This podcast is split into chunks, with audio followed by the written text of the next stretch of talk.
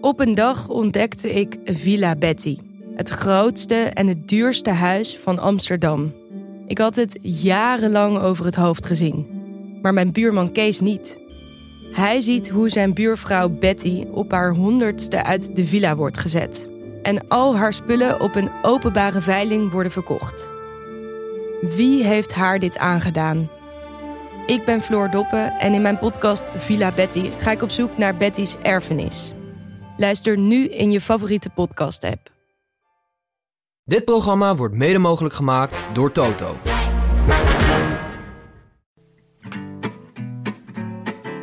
Op het vlakste stukje van de Tour, onze bank in Amsterdam-West, is dit de 15e etappe van de Rode Lantaarn. De dagelijkse podcast van Het is Koers.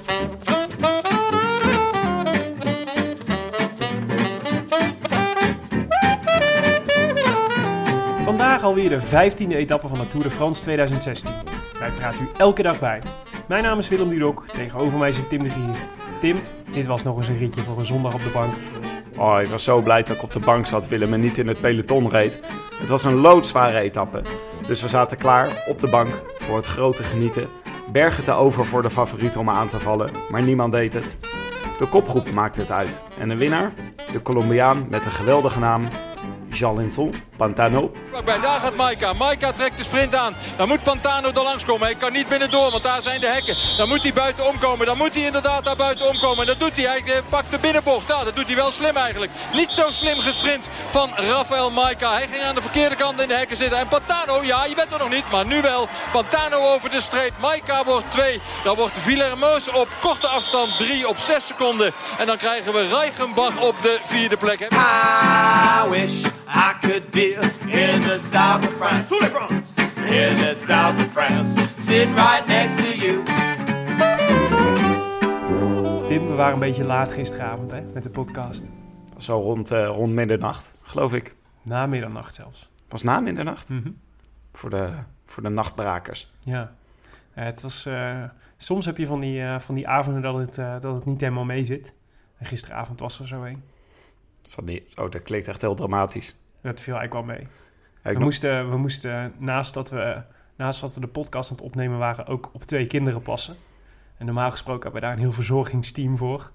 Maar dat hele verzorgingsteam zat bij Beyoncé in de. Amsterdam Arena. Wat ze natuurlijk zeer gegund is. Maar het gevolg was dat eh, we, wij de kinderen moesten, ook op de kinderen moesten passen. En die, eh, die werden maar niet stil. Soms, eh, soms eh, luisteren onze opnames terug. Dan horen we af en toe een huilend kind in de verte. Ik weet niet of dat de sfeer beïnvloedt. En je moet er toch naartoe, hè? Als ze, maar als ze lang gaan te huilen zijn. Want anders gaan de luisteraars ook denken dat, we, dat ik een slechte vader ben. Dat Nou, wil ik niet. Dat nee. beeld wil ik voorkomen. Willem, je bent geen slechte vader. Je bent een hele goede vader. Ja. Behalve als ik je nodig heb om je kinderen stil te krijgen op zaterdagavond. Het zal nooit meer gebeuren.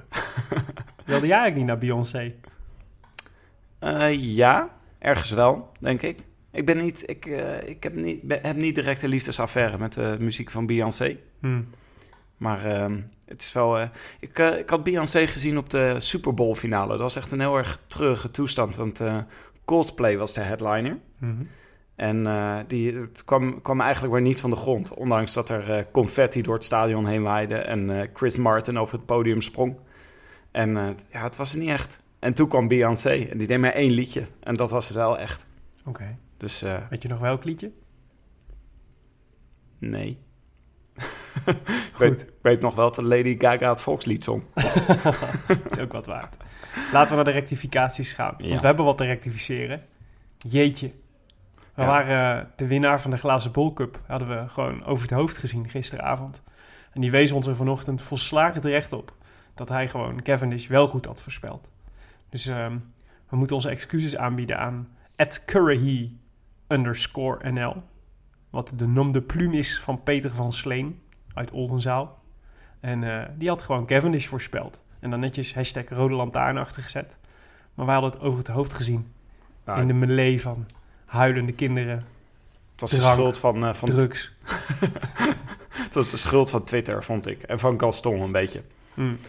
Het is altijd als je op Twitter dan op de hashtag Rode Lantaarn klikt, dan zie je een soort selectie van tweets. Tenzij je nog even een tijdje doorklikt en naar beneden en naar boven scrolt.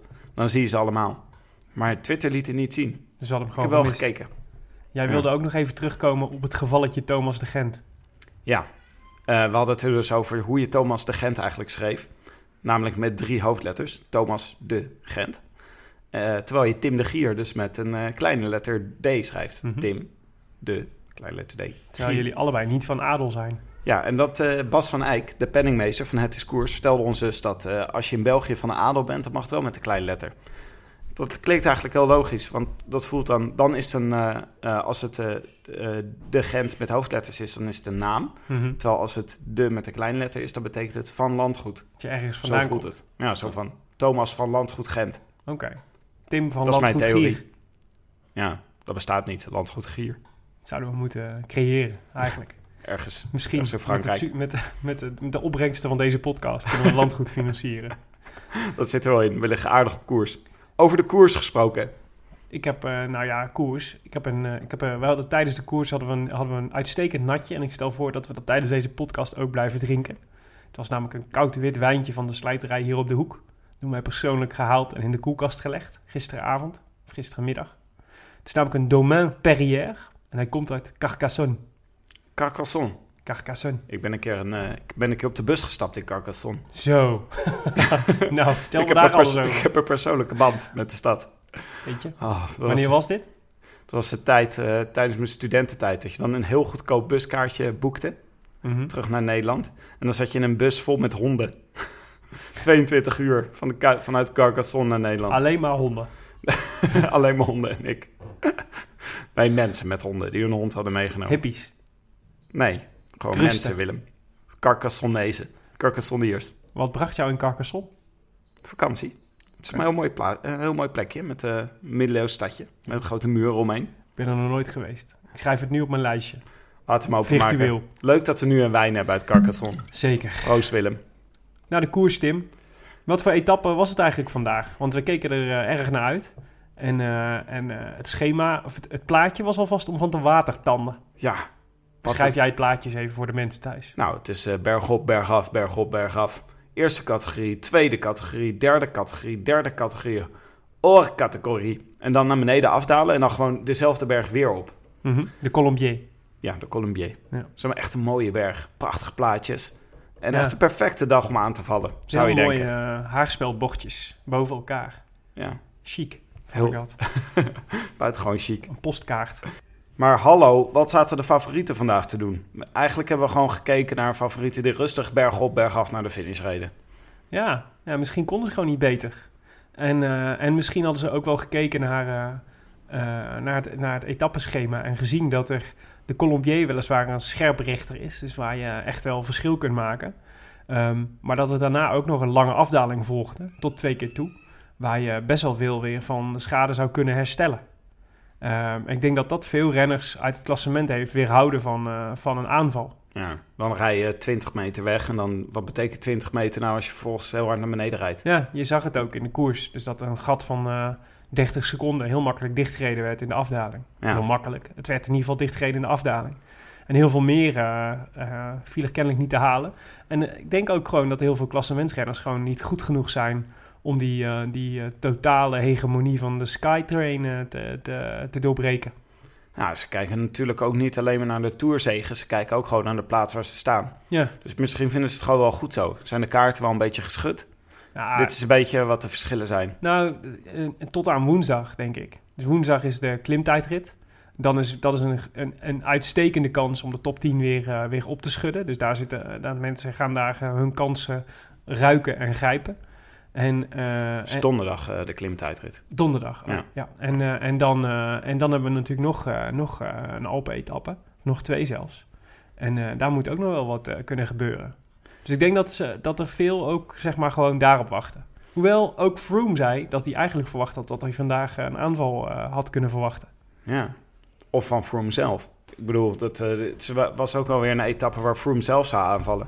Maar het was, eh, het was eigenlijk het vertrouwde beeld. Hè? Het was een kopgroepje vooraan. Mhm. En eh, daarachter eh, de Skybot, die net de formatie met z'n negenen voorop reden. Ja. En, en iedereen, iedereen bij het groepje hielden. ja, maar je ziet ook wel, als je kijkt naar wat er in die Skytrain rijdt aan, aan toppers, dan denk ik ook, ja, maar als je naar zo'n rit als vandaag kijkt, zo vier, vijf man uit die... Stel dat ze nou allemaal white label zouden rijden. Dus allemaal zonder ploeg. En allemaal gewoon individueel.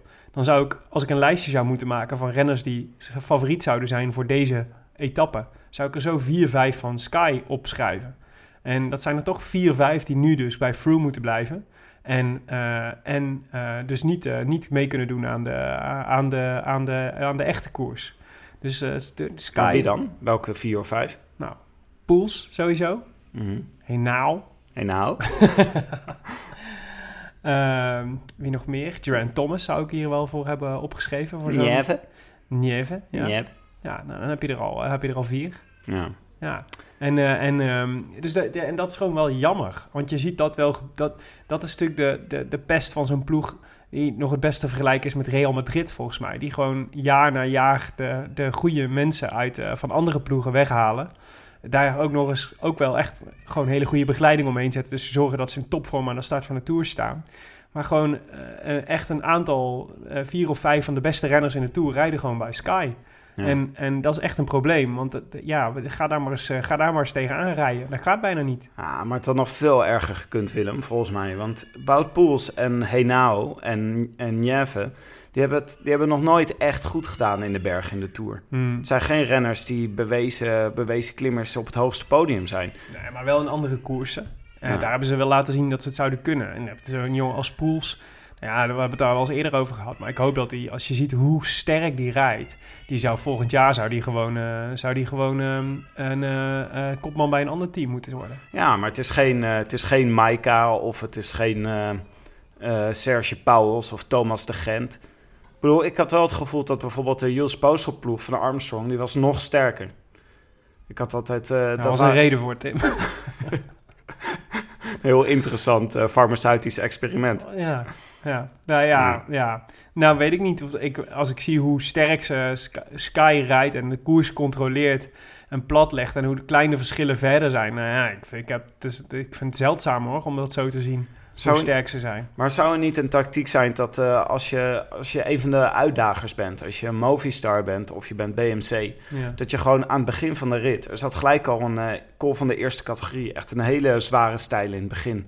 Waarom zet je daar niet gewoon één mannetje voorop die net het tempo 10% verhoogt en dan vliegen er zo twee of drie van Sky al af, die Ja. er nu nog bij zaten op het laatst. Nou ja, omdat het probleem is dat je er weliswaar twee, twee of drie van Sky af, eh, af eh, laat wapperen op zo'n manier. Maar ook vier of vijf van jezelf. Want de Sky, die jongens van Sky zijn gewoon zijn beter. En het is niet dat BMC of, eh, of ehm, eh, Movistar de luxe heeft om, zo, om zoiets echt te kunnen doen. Want ze, ze rijden zichzelf daarmee ook in de wielen. Ja. Dus die zitten ook niet, die hebben ook niet over of zo. Het is ook niet dat zij even, ze hebben misschien, ze hebben, de, wil Movistar heeft eh, denk ik twee man, dus, dus Valverde en Quintana, die het, die het aankunnen als de Skytrain vol, op volle kracht gaat, gaat, gaat fietsen. Nou, BMC heeft Porte en Van Garderen. Van Garderen ging er vandaag al af, Ja. zonder, dat er, zonder dat er echt iets bijzonders gebeurde. Dus het is, het is niet dat ze heel veel over hebben. Dus het is, het is de, dus zowel kwalitatief als kwantitatief is Sky gewoon is de, de, de alles overheersende ploeg in deze tour.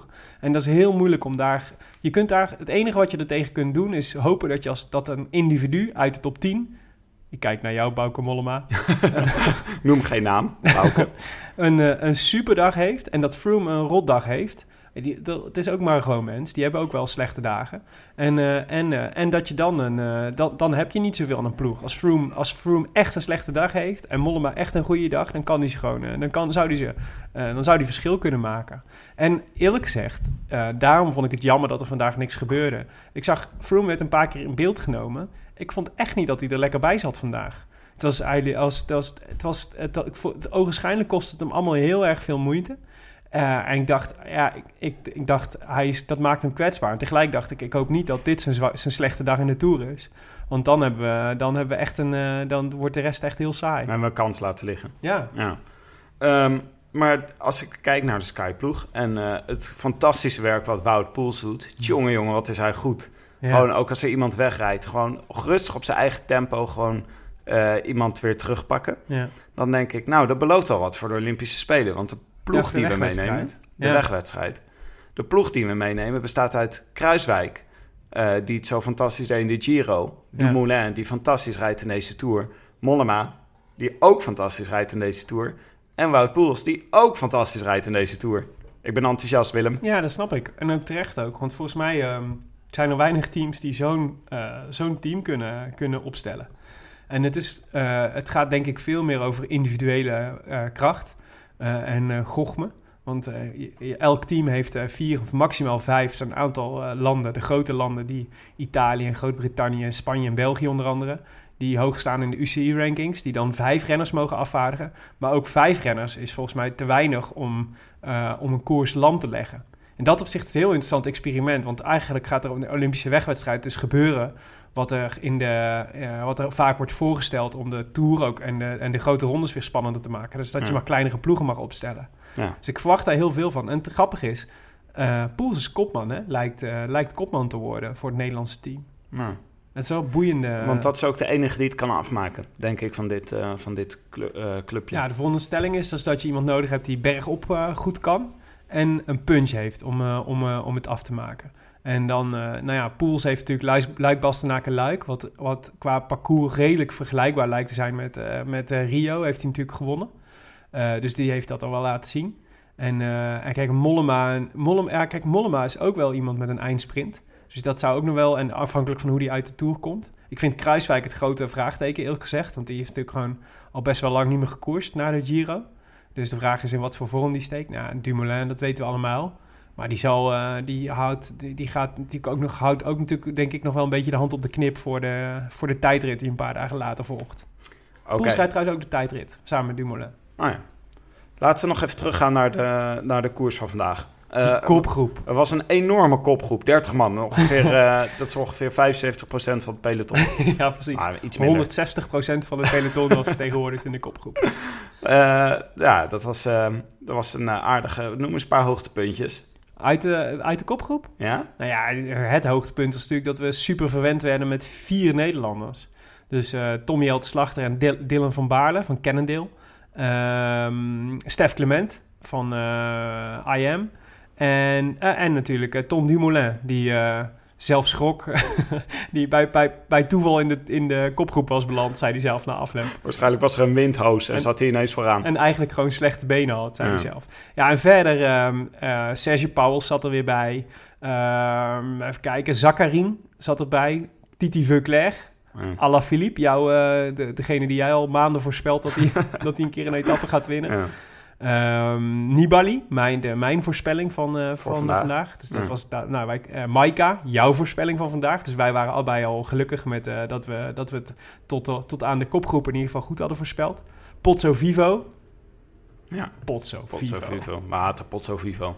Tot dusver we hadden iedere keer eigenlijk voor, ons voorgenomen dat, eh, dat we, dat we eh, nu een, heel, een, een, een duivels jingletje zouden laten horen. Maar wij zwaaien met onze vuist. Dat zie je niet. Maar Nee, als wij Potso Vivo zeggen, dan zwaaien we allebei met onze vuist. Sinds eh Potso Vivo voor niks achter Dumoulin aan ging rijden in de, in de Vuelta, die Tom had kunnen winnen, zijn wij niet meer, zitten wij niet meer in het kamp Potso Vivo. Dus, ehm, nou ja, die zat er wel bij. En dat gaf ons de kans om met onze vuisten te zwaaien naar de televisie, wat ook wel eerst lekker is. Viermos, eh zeer talentvolle jonge Franse renner, wiens bijnaam Pikachu is.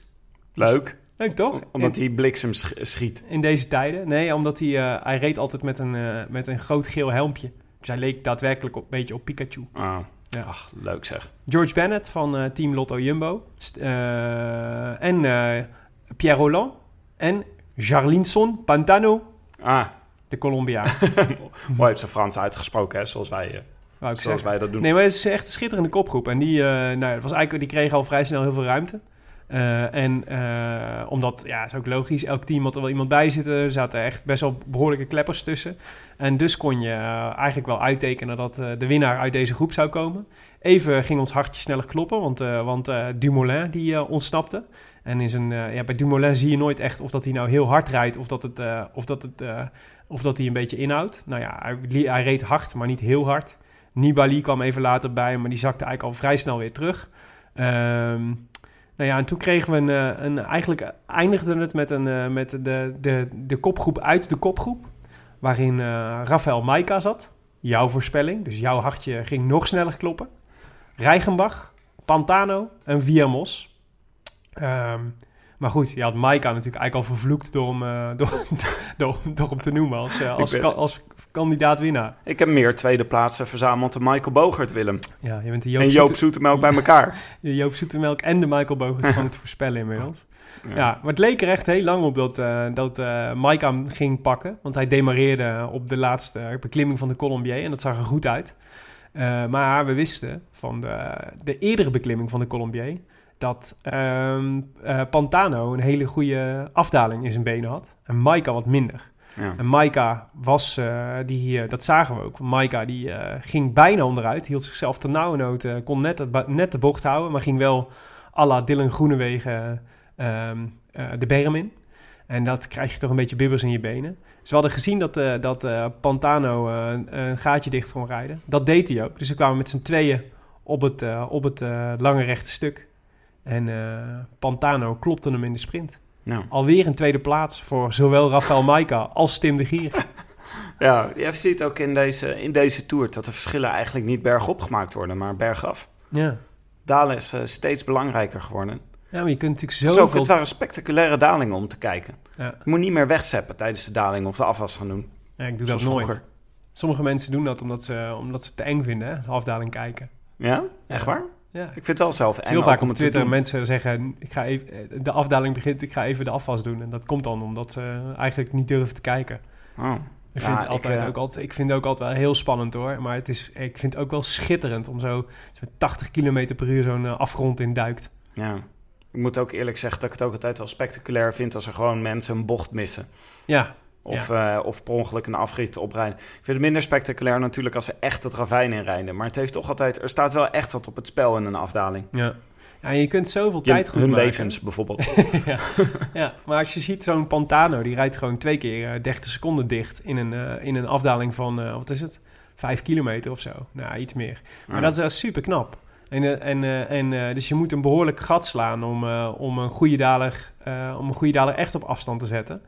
Ehm, en dat lukte Maika dus niet. Ja. En Nibali staat ook zo bekend om, maar die had het vandaag niet. Dus dat was ook wel de reden waarom ik hem voorspeld had. Als eh dat dacht, er komt een hele moeilijke afdaling. Er zit een hele moeilijke afdaling in. Dus als hij bergop aan kan eh, klampen, dan, eh, dan kan hij die afdaling kan niet verschil maken. Nou, Maar- helaas. Ja, maar het was wel ook achteraf, als je denkt van Maika, die dan naar zo'n kaartje kijkt van zo'n etappe en denkt: dit is de etappe dat ik aan ga vallen. Is eigenlijk stom als hij niet zo'n goede afdaler is. Dan kan hij toch beter een finish bergop kiezen. Woensdag gaan we echt eh buiten categorie eh, bergop finish. Mhm. Dat is dan eigenlijk veel meer, wat, eh, veel meer iets voor Maika dan deze. ja. Dus ik neem eigenlijk mijn voorspelling van gisteravond terug. Wat, waar, waar dacht ik aan? Waar was ik met mijn hoofd? Je mag hem nog een keer noemen. Geen probleem. Je, je kunt gewoon blijven variëren tussen Maika en Alain Philippe, zoals jij eigenlijk al de hele tour doet. Oh, Willem, Een laten we keer, nog... heb je, een keer zul je gelijk krijgen. Zelfs een, een kapotte klok heeft twee keer per dag gelijk. Ja, erg leuk, Willem. Heel leuk. Dat zag ik ergens op een tegeltje. Moest aan je denken. Eh, Oké, laten we nog één keer bijschenken en het even over de glazen bol vind het hebben. een goed wijntje, dit. Ja, hier Willem, proost. Dank je. Eh, de glazen bol cup voor eh, vandaag. Ja, Hadden we een winnaar? We hadden geen winnaar. Niemand had eh, vreemd genoeg Jarlien Son Pantano genoemd.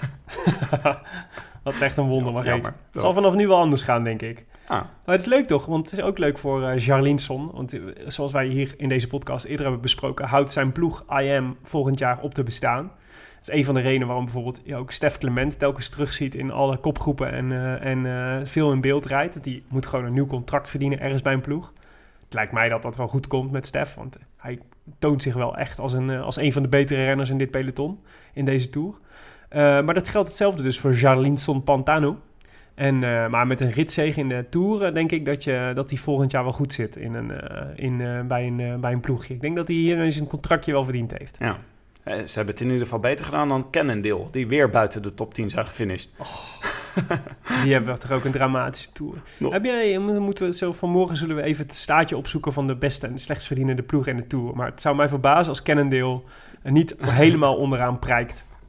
Misschien Bora Argon. Nou, misschien komt er, eh, komt er morgen verandering in.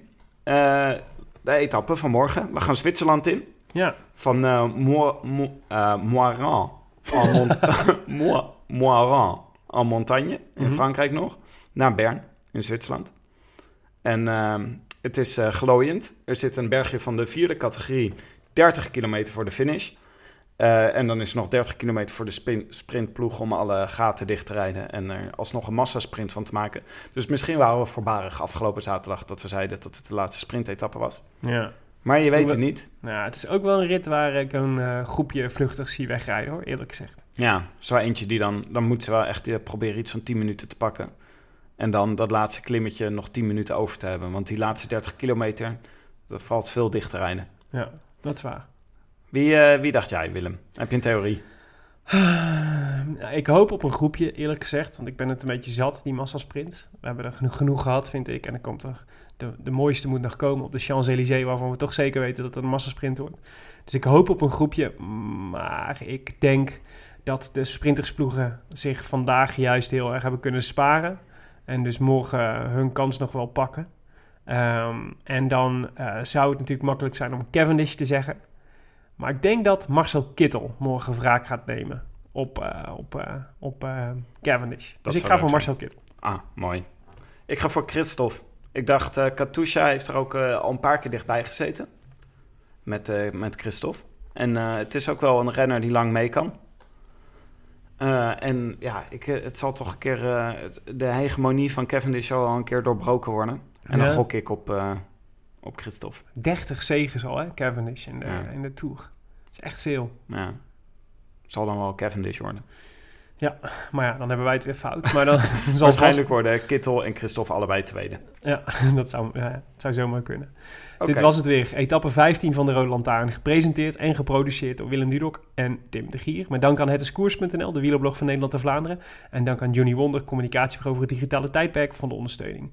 Als je wil reageren op deze uitzending, via Twitter zijn we te bereiken via Willem Dudok en Tim de Gier. En als je het nou leuk vond, kun je ons eh, helpen. Bijvoorbeeld door een recensie achter te laten op iTunes. Eh, bij de podcast op iTunes. Want dat helpt nou- ons namelijk enorm bij het vinden van nieuwe luisteraars van de podcast. En hoog te komen in de top 10. En beide vinden we heel leuk. En zo eh, had eh, gisteren kwamen we de, een recensie tegen van Marieke. Marieke slash Parool. eh, die ons vier sterren gaf en schreef... De mannen reizen elke ochtend in de auto met mij mee van Amsterdam naar Rotterdam. Ondertussen geniet ik van een lekkere ouwe hoer over de Tour... en de fijne weetjes die ze te berden brengen. Leuk, Vier toch? sterren? Ja, dat is best wel veel. Maar de- Waarom vier sterren? Waarom niet vijf? Beyoncé kreeg ook vier sterren in het parool. Ah, ja. Dus feitelijk zet, eh, zet eh, Marieke slash parool ons hier op één lijn met, eh, met Beyoncé. en waarom Waar ik zit, prima mee kan leven. waarom zit Marieke slash Parool in de auto van Amsterdam naar Rotterdam als bij Parool werkt? Is dat niet dat die redactie daar, eh, dat zeg maar, ik weet het eigenlijk niet. Beetje gek, dubieus. Rij voorzichtig Marieke, want je zult ongetwijfeld bij ons luisteren terwijl je dit hoort. Toch erg blij hoor, met de recensie. Dankjewel Marieke. Zo is het. Morgen zijn we er uiteraard gewoon weer voor de eerste rit van de laatste week van deze Tour. Oh, het einde is in zicht Willem. Einde is in zicht. Maar er staat ons nog veel prachtigs te wachten. A biento. A biento. I wish I could be in the south of France. In the south of France. Sitting right